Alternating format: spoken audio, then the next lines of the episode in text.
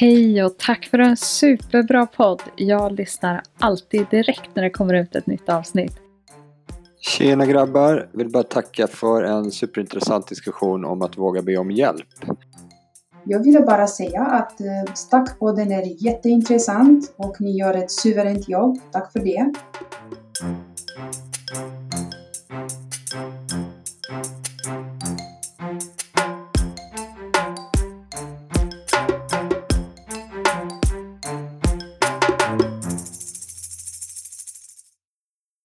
Varmt välkomna tillbaka till Stacken, jag Daniel Gustafsson och Kim Hindart. Hubba. Idag Kim ska vi prata om någonting som kanske inte är så jätteupphetsande ämne egentligen, men som vi vet att många företag antingen sitter och funderar på om man ska ge sig i kast med eller så har man dem och inte riktigt vet vad man ska göra med dem. Eller så är det några som kanske undrar vad är det för någonting och vi ska prata om ISO-standarder idag. Vad är det för någonting? Vilka tycker vi är lämpliga för informationssäkerhet? I vilken tågordning kanske man ska applicera dem på sitt företag allt eftersom man ska bygga in dem. Och sen ska vi avsluta med en annan liten detalj som är het i uh, nyheten i dagsläget också. Men vi börjar med ISO, Kim. Vi börjar med den enkla frågan. Vad är en ISO-standard? Ja, ISO är ju ett standardiseringsorgan eh, baserat på ett gäng experter inom olika områden som sätter sig ner och säger det här borde det finnas en standard för. Det man i många företag och organisationer, åtminstone i vår bransch, pratar om är ju standard för olika typer av ledningssystem. Du har kvalitetsledning, miljöarbetesledning, informationssäkerhetsledning, bland annat i ledningssystem som är kända, ISO 9000, 14000 och sådana delar. Däremot så finns det ju massor med ISO-standarder. Allt från eh, standardisering av elektronikkomponenter, kemikalier, livsmedel. Ja, allt möjligt som kan ha och dra nytta av någon form av standard. Så att det är ju ett jättestort känt standardiseringsorgan som jobbar just med att, ja, den väldigt upphetsande uppgiften att sätta och bestämma vad är en standard. När man säger ett uttryck, vad är det då? Så ja, det är väl Precis. ISO i stort. Fördelen å andra sidan är ju att det är bra om man vill ha någon form av avtal eller någonting där man ska komma överens om vad betyder en definition. Så är det ju bra att kunna Just. hitta. För då slipper man ju hitta på en egen definition av vad en sak är. Även fast det finns Mm. de som tappert försöker ivrigt påstå att man har en egen standard och så har man gjort en egen tolkning på en standard, men då är det inte en egen standard, då är det en egen åsikt. Men fördelen är precis som du säger, det är att istället för att era kunder ska behöva ifrågasätta 900 punkter i en upphandling om hur ni jobbar med exempelvis er informationssäkerhet eller er kvalitetsledning eller ert miljöarbete, vad det nu kan vara för någonting, så får man ju då ett certifikat om man nu tar de här ISO-standarden och sen så kan man då ha det som en bevisföring för att vi faktiskt har implementerat det här i vår organisation. Och så auditeras det en gång per år, så det kommer en extern auditor och tittar på er organisation och just gör en bedömning om ni faktiskt efterlever dem eller inte. Så det är ett väldigt bra sätt att kunna på något sätt få en ja, garanti för att man faktiskt ett intyg på att man faktiskt gör det man säger, vilket är extremt trevligt. Eh, du var lite inne på det här med med just ledningssystem och så finns det ju tillägg. Om vi då tittar på exempelvis informationssäkerhet, och vi lägger krutet där, för det är ändå det mycket det den här podden handlar om. Det första alla pratar om är ISO 27000-familjen. Det är ju egentligen det man hör mest om. Det handlar just om informationssäkerhet. Men det finns ju en massa tillägg i 27000 också. Vad är ledningssystemet och vad är tilläggen och hur, hur, hur appliceras det där? Ja, ledningssystemet bygger ju på Eh, de vill se att du har ett kontinuerligt förbättringsarbete inom området informationssäkerhet. Och vad man gör då, det är att man så att säga inom organisationen sätter upp det som kallas kontroller. Det vill säga olika för varianter av saker som ska finnas och som man sen så att säga gör en verifiering mot. En typisk kontroll är att det ska finnas en IT-policy inom organisationen. Och så finns det en genomgående standard om vad bör finnas lämpligen i din IT-policy. den skriver inte exakt det här måste stå i din IT-policy för att vara tydlig, för att det är ju anpassat efter organisation till organisation. Men den har ett krav på ungefär hur ett ledningsstruktur för att det här ska finnas ska se ut. Och så finns det så kallade corrective actions, det vill säga hur hanterar man avvikelser och hur hanterar man förbättringar i det hela. Och så Mm om man vill, då kan man ju ta in en auditör som granskar det här och ger en ett fint certifikat om att man uppfyller de här nivåerna som man sätter i standarden. Men det som är tänkt i alla fall, det är att dessa kontroller, det är någonting man så att säga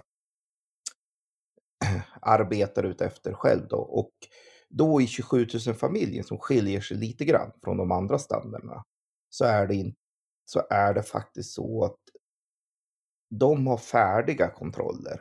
Medan många andra standarder, där får du sätta kontrollerna själv. Så att då ingår det i ledningssystemet att du ska först definiera vilka kontroller bör finnas. Och sen definiera vilken nivå de ska leverera på och hur de uppfylls. I ISO 27000 ger de dig lite lättare. De ger dig färdiga kontroller, en bunt färdiga kontroller som bör finnas. Och så säger de att här, de här ska implementeras. Sen så får man sätta nivån själv efter vad man har för behov. Däremot då, Mm. så finns de här fina tilläggen. Där det antingen är att de tillför extra typer av kontroller. Eller tillför extra guidance på befintliga kontroller. Baserat på olika industrier, baserat på olika standarder. Det finns en ny ISO eh, 27000 extra kontroll enbart för GDPR till exempel. Eh, och så finns det ISO-kontroller för månleveranser. Det finns ISO-kontroller för eh, privacy, extra privacy om man vill Mm. ha det. Det finns ISO-kontroller för om du levererar nätförbindelser på stor nivå. Det finns ISO-kontroller för om du levererar molntjänster. Som exempel av just de här olika informationssäkerhetsgrejerna. Och en lång rad andra. Det finns ISO, ISO 27-kontroller för eh, hur du hanterar information forensiskt korrekt och lite sådana delar. Så att det finns en lång paket med de här familjerna och då kan man ju välja själv om man vill lägga till de här tilläggen. Eller inte i sin. Så det du, det du säger är alltså att om jag har ett ISO 27000 certifikat i mitt företag och så har du ett eget företag och så har du ett ISO 27000 eller 27000 certifikat.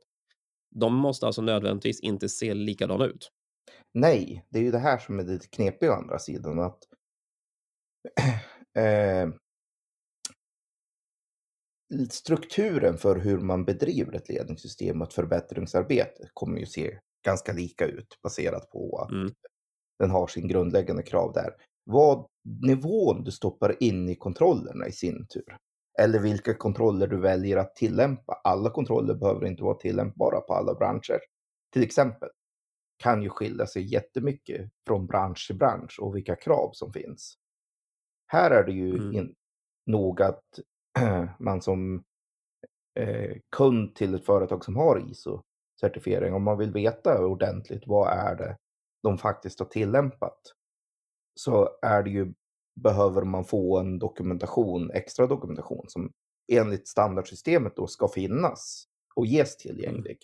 Men det är där det står alltså nivåerna, de exakta nivåerna. Vad exakt för klassning på mina dörrar har jag egentligen? Vad har jag för klassning på låsen? Hur tjocka väggar har jag? Och så vidare lite grann i informationssäkerheten. Vad har jag för längd på lösenord? Ja. Den biten är ju, vad heter det? Eh, är det någonting som man sätter efter så att säga olika behov och kravbilder man har inom de olika, eh, ja, vad man Precis. jobbar efter. Så knut, vi kan också säga knutet till ett ISO 27000-certifikat finns någonting som heter Statement of Applicability. Det är egentligen som en liten loggbok som faktiskt deklarerar vilka kontroller du har implementerat från ISO 27000-familjen och vad, hur du faktiskt har implementerat dem in i ditt företag. Så att ett litet tips från oss är att om du är en, ett företag eller som vill upphandla en tjänst av en IT-leverantör och de säger att de har ett ISO 27000-certifikat, då ska man få be om att få Eh, en redovisning av deras Statement of Applicability, eller SOA som det förkortas.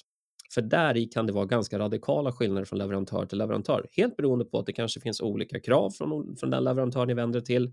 De har sett på sin leverans på ett, ett, ett sätt som gjort att de har applicerat sitt certifikat på eh, som passar deras verksamhet, men det kanske inte är exakt identiskt med leverantör 2 och 3.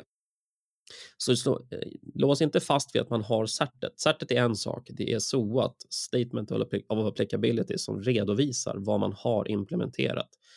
Så den är en litet tips att ni ska be om att få en liten redovisning för.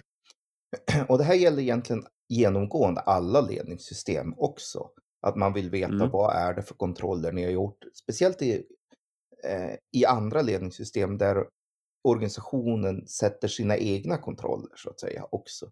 Då är det jätteintressant att få se de här olika ledningsprotokollen av vad är det för kontroller ni har valt och vilken nivå har ni valt att lägga dem på. Mm två sådana här andra kända grejer som i mångt och mycket idag styr en bestämd nivå. Det är till exempel GDPR och personuppgifter. Och mm. så finns det någon, ett organ som heter Payment Card Industry, PCI DSS. Det är alltså Visa, mm. Mastercard och kreditkorten. De har två lite mer tekniskt fokuserade standarder, lite hårdare in på detaljnivå. Så här många lösenord ska finnas här. Det här är godkänd tjocklek på väggen. Så här ska stålkonstruktion för ett skydd se ut. De standarderna sätter man ju in i sitt ledningssystem. Du har kontroller som mappar väldigt bra mot de här olika standardnivåerna. Men de sätter också en grundläggande eh, hård nivå, att minst så här ska finnas. Och då kan man ganska lätt säga att ja, då tar vi PCI DSS och så tar vi GDPR och så säger vi att i vårt ledningssystem så är de här krav på miniminivå vi ska uppnå. Och så lägger man mm. det i sin kontroll och så kommer en auditör och tittar att man uppfyller rätt nivå på kontrollen. Så att... Precis. Det är en, en så... ganska bra paketering. Men med det sagt så är det värt att tänka på att det är, det är så ISO ser ut. Så att det är inte en fixt satt bestämd standard utan det kan skilja sig åt. Det är att det finns ett standardstrukturerat sätt för vilken typ av dokumentation, vilken typ av bevisföring som ska finnas mm. tillgänglig för dig att titta på. Men ja, du måste tyvärr läsa, läsa själv. Så är det med ledningssystemen standardisering är baserat på ledningssystemen, inte på vad exakt har tillämpats. Nej. Och sen är det också viktigt att man då, precis som du säger, man tittar på sin egen verksamhet. Vad jobbar vi med? Vad har vi för behov? Vad har våra kunder för behov? Och så får man sätta det därefter. Så att man kan inte, man kan inte göra en carbon copy, man kan inte göra en kopia av ett annat företags ledningssystem eller hur de gjorde. Titta, men de gjorde så, då skulle vi göra likadant. Utan det här måste man 100% anpassa till precis det ni gör och er verksamhet. Sen kan det finnas snarlika saker definitivt, men eh, man gör bort sig lite om man tittar på någon annan och säger de gjorde så, då ska vi göra det också. Utan det måste vara ett ledningssystem som funkar för er som utvecklar ett företag. Och sen ska jag komma ihåg också att alla de här ISO-ledningssystemen vi pratar om och alla de som finns. Man blir liksom aldrig klar på något sätt, utan det är ju ett konstant förbättringsarbete. Det är det den är till för. Det är som en varm klapp på axeln. Liksom att tänk på det här. Ni borde nog fundera på det. Har ni, har ni bara checkat av att det här faktiskt finns? Eller upplever ni de krav som era kunder förväntar på er? Så att det går inte att säga vi implementerar, nu var det färdigt och nu behöver vi inte bry oss, utan när vi, när vi har fått certifikatet, när det är implementerat i organisationen, det är egentligen då arbetet börjar av att ut, fortsätta utveckla organisationen, er personal, era processer, eh, er dokumentation och så vidare. Och det är ett konstant förbättringsarbete så att det är verkligen ett, ett grundfundament för struktur. Sen är det upp till dig att bygga er struktur som funkar för er i ert bolag. Det fina med de här systemen är också att de hänger ihop och jag tänkte gå in lite på det nu. Eh, många företag börjar gärna med ett ISO 9000 som är kvalitetsledningssystemet eh, där vi egentligen sätter grundnormerna och dokumentationsprocesserna och strukturen och organisationsscheman för vårt företag och så börjar man spela på därifrån. Och det gjorde vi också en gång i tiden. Vi var precis så vi började. Eh, och det är ingen dum idé alls, därför det fina med 9000 och 27000 och alla andra ledningssystem att de hänger ihop. Man får väldigt mycket gratis om man har redan implementerat ett 9000 för kvalitet exempelvis. då får man ganska mycket gratis i att man har väldigt mycket av grunddokumentationen, processerna på plats för att kunna lägga till de övriga ledningssystemen. Men här har vi en liten utmaning och något som vi tänkte lufta som ett annat förslag. Det ISO-certifikat som exempelvis vi tog sist heter 22301 och det är för er affärskontinuitet. Och affärskontinuitet handlar om egentligen att man ska titta på worst case scenario. Vad händer vid händelse av en brand eller händelse av en kris eller händelse av en epidemi som pågår just nu? Vi kommer in på det lite sen, coronavirus exempelvis. Ehm, hur påverkas vårt företag om 40 av våran, av vårat, eh, våran workforce inte är tillgänglig exempelvis? Eller vad händer ifall vårt kontor brinner ner? Vad vart vi av med då? Så 22301 är ledningssystemet för affärskontinuitet. Och hade vi fått hade vi fått välja lite nu, vis, vis av erfarenhet, så hade vi nog börjat i den änden innan vi gick in på 27 000 och 9 000 de andra ledningssystemen. Börja med 22301. Dels för att den är relativt enkel att ta i perspektivet att det är bara en stor varm kram av en, som, från, från, en, från, från en ISO-fabrik eh, som säger tänk på det här i händelse av kris och då ut, utmanar man företagen, man utmanar ledningen, man utmanar personalen att faktiskt börja tänka vad händer? Är vi förberedda för en kris? Eller är vi förberedda för ett system som försvinner? Har vi koll på vår våran line of succession, det vill säga vad händer ifall någon dör? Säg att vår vd dör eller vår, en viktig personal, eh, teknisk personal som jobbar i vår organisation, om de inte finns kvar, vad händer nu? Har vi, har vi, har vi koll på våra processer? Vem tar över deras arbetsuppgifter? Eh, säg att vi är ett mindre företag som kanske inte har en jättestor ledningsgrupp eller en jättestor styrelse, eller, utan det kanske är väldigt knutet till en person, en person som startade företaget, äger företaget och håller på att bygga upp det. Ja, har vi andra som jobbar i det här lilla företaget koll på den personens tillgångar, eh, organisation, eh, familjen bakom och så vidare? Finns alla papper i ordning? Vart finns de? Så 22301 är en stark rekommendation att om ni håller på att titta på det här med ISO och funderar på ska vi ta tag i det, ska vi börja ta de certifikaten och ni håller på oavsett vilken bransch egentligen. Har ingenting med IT-branschen att göra, utan det här är generellt vilken bransch ni jobbar med. Affärskontinuiteten är det viktigaste ni har, det vill säga att ni kan fortsätta leva, existera och utvecklas. Och att inte en kris eller en katastrof gör att oj, vi försvann. Så börja gärna med 22301. Här är vår rekommendation i alla fall. Och, och som kunder betraktat, så, jag som kund när jag ska köpa någonting av någon som är kritisk i leverans för oss, eh, ja, har jag en leverantör som blir, eh, som eh, blir allt mer kritisk för vår verksamhet och överlevnad, då vill jag ju veta att den leverantören har åtminstone på ett strukturerat sätt resonerat kring de här frågorna. Vad händer om? Och där är ju mm. ISO 22301 jätteviktig och väldigt, väldigt bra just i den bemärkelsen att då kan man ju få ett ganska bra eh, check på att ja, de har faktiskt ändå resonerat kring vad skulle hända om ja, olika scenarion inträffar.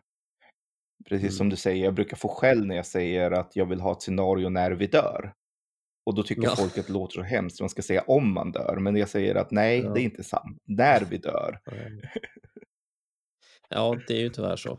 Vi kommer inte undan det. Det kommer hända till slut. Förhoppningsvis sent och långt bort här i livet, men det kommer hända. Och det vi också lärde oss av det, Ken, var ju att det var, hade vi gjort i den tågordningen först, hade förmodligen implementationen av vårt 27 certifikat varit enklare, därför att då hade man haft bättre koll på de kanske brister man hade i organisationen, de uppenbara hål som behövde fyllas och framför, framförallt kanske haft enklare att göra en risk assessment, en riskbedömning av de kontroller som finns. För det är ganska många kontroller i ISO 27000, man kan bli lätt blind av att det är så väldigt mycket som ska in.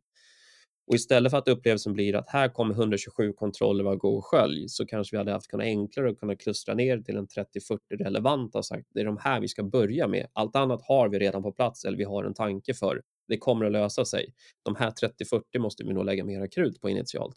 Och det kan nog alla som jobbar i vår organisation exempelvis intyga att det vart väldigt mycket det var en ganska så brysk eh, omskakning när vi kastade in det första mm. certifikatet som heter 27 000 och det gjorde vi egentligen bara för att här behöver vi ha det.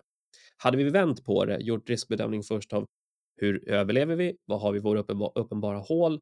Eh, var, var, finns våra uppenbara brister? Då hade nog den processen varit enklare. Sen finns det ett till, och innan vi släpper om ISO-standard. Jag tänkte att du ska få lufta lite det. Det finns ju faktiskt en ISO-standard, eller definition rättare sagt, av moln som heter ISO 17788. Vad har Yes. du för Och här är, för det? här är vi tillbaka till just det hela med att om man till exempel i nu relationen avtal, men inte, i- inte bara avtal, utan om man ska försöka komma överens om någonting i begrepp och definitioner. Vad är det vi ska faktiskt leverera till varandra? Vad är det, vi, vad är det jag köper och vad är det jag får? Ja, alltså, då kan man ju ha Mhm. olika definitioner. En definition är, hej, jag vill köpa en bil. Ja, en bil kostar 40 000, här har du 40 000. Ja, om jag får en leksaksbil då? Är det mindre bil? Mm.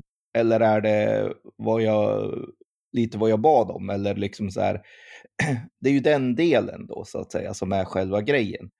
Här finns det en satt ISO-standard för vad är en moln och vad är en molntjänst.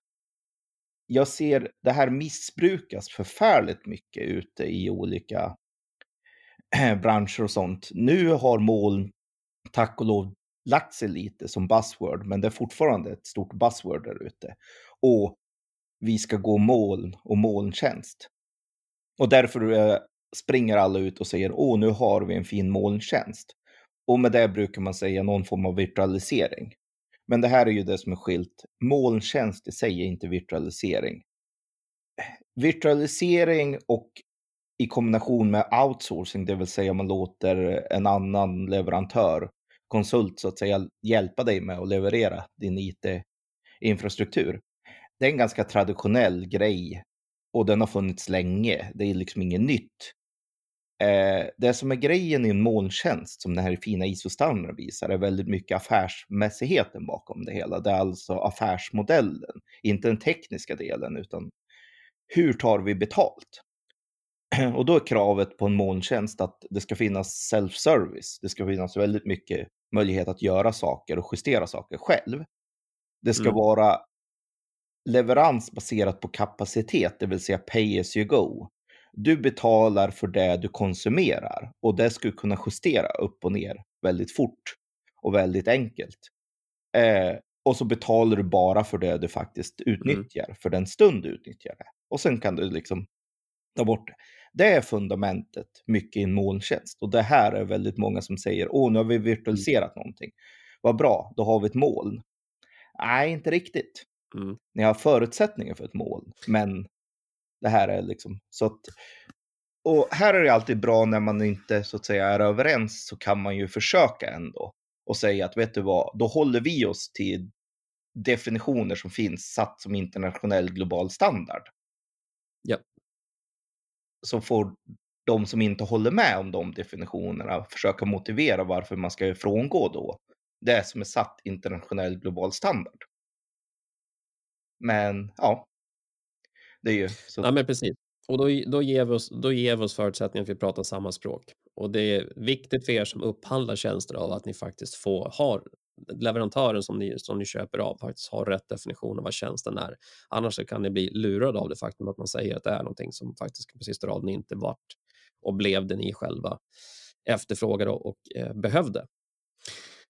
Vi fortsätter lite i det här med affärskontinuitetens anda. Vi släpper ISO-certifikaten per se, men vi tänkte prata om en, en, en grej till som är relevant nu, som är hett i tidningarna och det är det faktum att det går ett globalt virus just nu runt om i världen eh, som har gått och blivit ett stort problem, inte bara av eh, att eh, folk blir sjuka och dör, det är hemskt nog, utan det påverkar även hur vi börjar agera och, och så kommer måste, måste man sätta upp krisplaner. Så sent som igår så var det fem stycken fall i Sverige och detta och nu så börjar man undra, finns det då fler? Eh, vi är inte läkare och tänker inte gå in på själva viruset i sig, utan vi tänkte prata mer om just hur ska man förhålla sig till just det här med att vad händer om vi måste börja isolera oss? Vi pratade lite om ISO 22301 tidigare. Det handlar just om krisförberedelse. Och det här är ett typiskt sådant fall att om vi börjar tro och om vi börjar misstänka att det finns risk för spridning och det här handlar inte bara om ett coronavirus, för att vara supertydlig. Det här handlar om vilken influensa som helst eller vilken sjukdom som helst som går Vi har en tendens att springa tillbaka till kontoret lite för snabbt när vi är sjuka och sen så sprider vi ut det och sen så är det 10-12 man på företaget som fick influensa istället för att det var isolerat till en eller två. Snabbt Kim, vad skulle man kunna ha för åtgärder för att hålla sig borta från företaget? Vad är det som behövs för att kunna jobba hemifrån exempelvis? Kan man fortsätta jobba? Alla branscher kan inte det. Vissa branscher måste faktiskt vara på plats. Du, du, min arbetsplats är i en buss eller ett flygplan eller vad det nu är för någonting. Det är där jag jobbar. Jag kan tyvärr inte hålla mig hemma. Men om vi har den lyxen att kunna jobba hemifrån, hur, hur ska man förbereda sig för det? Ja, här är vi tillbaka till det vi har pratat om hela tiden om att har du vettigt ledarskap, har du vettiga team, så är det inga problem att jobba under en längre period distribuerat. Därför att då kommer man att säkerställa att man gör det som behöver göras och alla ska hållas ansvariga för det här. Har du dysfunktionella team och har du dåligt ledarskap däremot så märks det med en gång. Så att jag brukar ibland ranta om just det här med chefer. Många tar sig till jobbet med motiveringen att chefen gnäller om man inte ser dem på jobbet. Och det med en gång är ett tecken på en svag och dålig chef och en dålig ledare och ingenting annat. Så är det bara. Så att för de som har lyxen, speciellt i tjänstesektorn, där det tekniskt är fullt möjligt att jobba hemifrån, då ska man absolut uppmuntra det, speciellt i influensatider. Därför att stanna hemma då. Stanna hemma extra dagar, bara för att om du själv faktiskt fysiskt mår bra i kroppen, då eh, kan man stanna hemma ett par dagar till bara för att säkerställa att smittan inte finns. Eller de som faktiskt, faktiskt inte mår fullt hundra och ändå släpar sig till jobbet. Nej, om det finns möjlighet att jobba hemifrån, gör det. Därför att det sparar jättemycket pengar i slutändan, både samhälle och jobb och arbetsgivare i slutändan av att du minskar sjuktalen rejält. Så i dessa tider Förbered er organisation på att kunna jobba hemifrån. Se till att sätta upp den tekniska säkerhetsinfrastrukturen för att man ska kunna jobba hemifrån. Det är inget konstigt idag. Det finns väldigt mycket sånt på ett väldigt smidigt sätt. Och det är att rekommendera för ja, det löser ens affärskontinuitet extremt bra. För vad händer om kontoret brinner ner till exempel? Så är det en väldigt bra mm. grej att ha. Så det är en jättebra grej. Sen två, säkerställ då och jobba med aktivt med det här med grupputveckling och ledarskap. Därför att då kommer det inte vara ett problem heller att folk inte är på plats hela tiden. Så det finns åtskilliga jättebra exempel på ledare som inte har minsta problem att klara av det. Och om ni då känner att nej, jag skulle aldrig kunna jobba hemifrån, därför att då skulle min chef titta snett på dig ja, då ska ni säkerställa att den chefen går någon form av utbildning. Ja, lite så faktiskt. För det är, en, det är ett typiskt tecken på en osäker chef och en dålig ledare. Ja, och här har vi nu som sagt, och för att vad, vad, gå och knyta tillbaka till det vi pratade om. Exempelvis när, om du eh, beger dig in och tar ett ISO 22301 certifikat exempelvis, då finns det faktiskt ett krav i den standard att man ska träna på just sådana här typ av scenarier. Vad händer ifall eh, ett kontor brinner ner, kan vi jobba? Vart ska våra team ta vägen? Hur kommunicerar vi? Blir det någon form av sjukdomsepidemi alltså, eller, eller liknande? Hur isolerar vi vår personal men fortfarande kan vara produktiva och fortfarande se till att vi har snurr på vår verksamhet? Så att vårt tips till er som står och funderar på det här just nu och läser tidningen och oroliga magen, se till att ni har tekniska förutsättningar för er personal att kunna jobba hemifrån, VPN-uppkopplingar etc. Se till så att er personal har en, en eh, strukturell förutsättning för att kunna fortsätta göra sin personal eller göra sitt jobb hemifrån om man har den lyxen att kunna jobba hemifrån. Är ni osäkra, är ni oroliga, isolera hellre för att ni eh, eventuellt sprider någonting vidare så hoppas vi att det här inte blir så vida brett i Sverige. Men det kommer influenser så att eh, oberoende vilken typ av virus vi pratar om, det kommer att hända. Dra inte med er tillbaka till kontoret om ni inte känner det kry.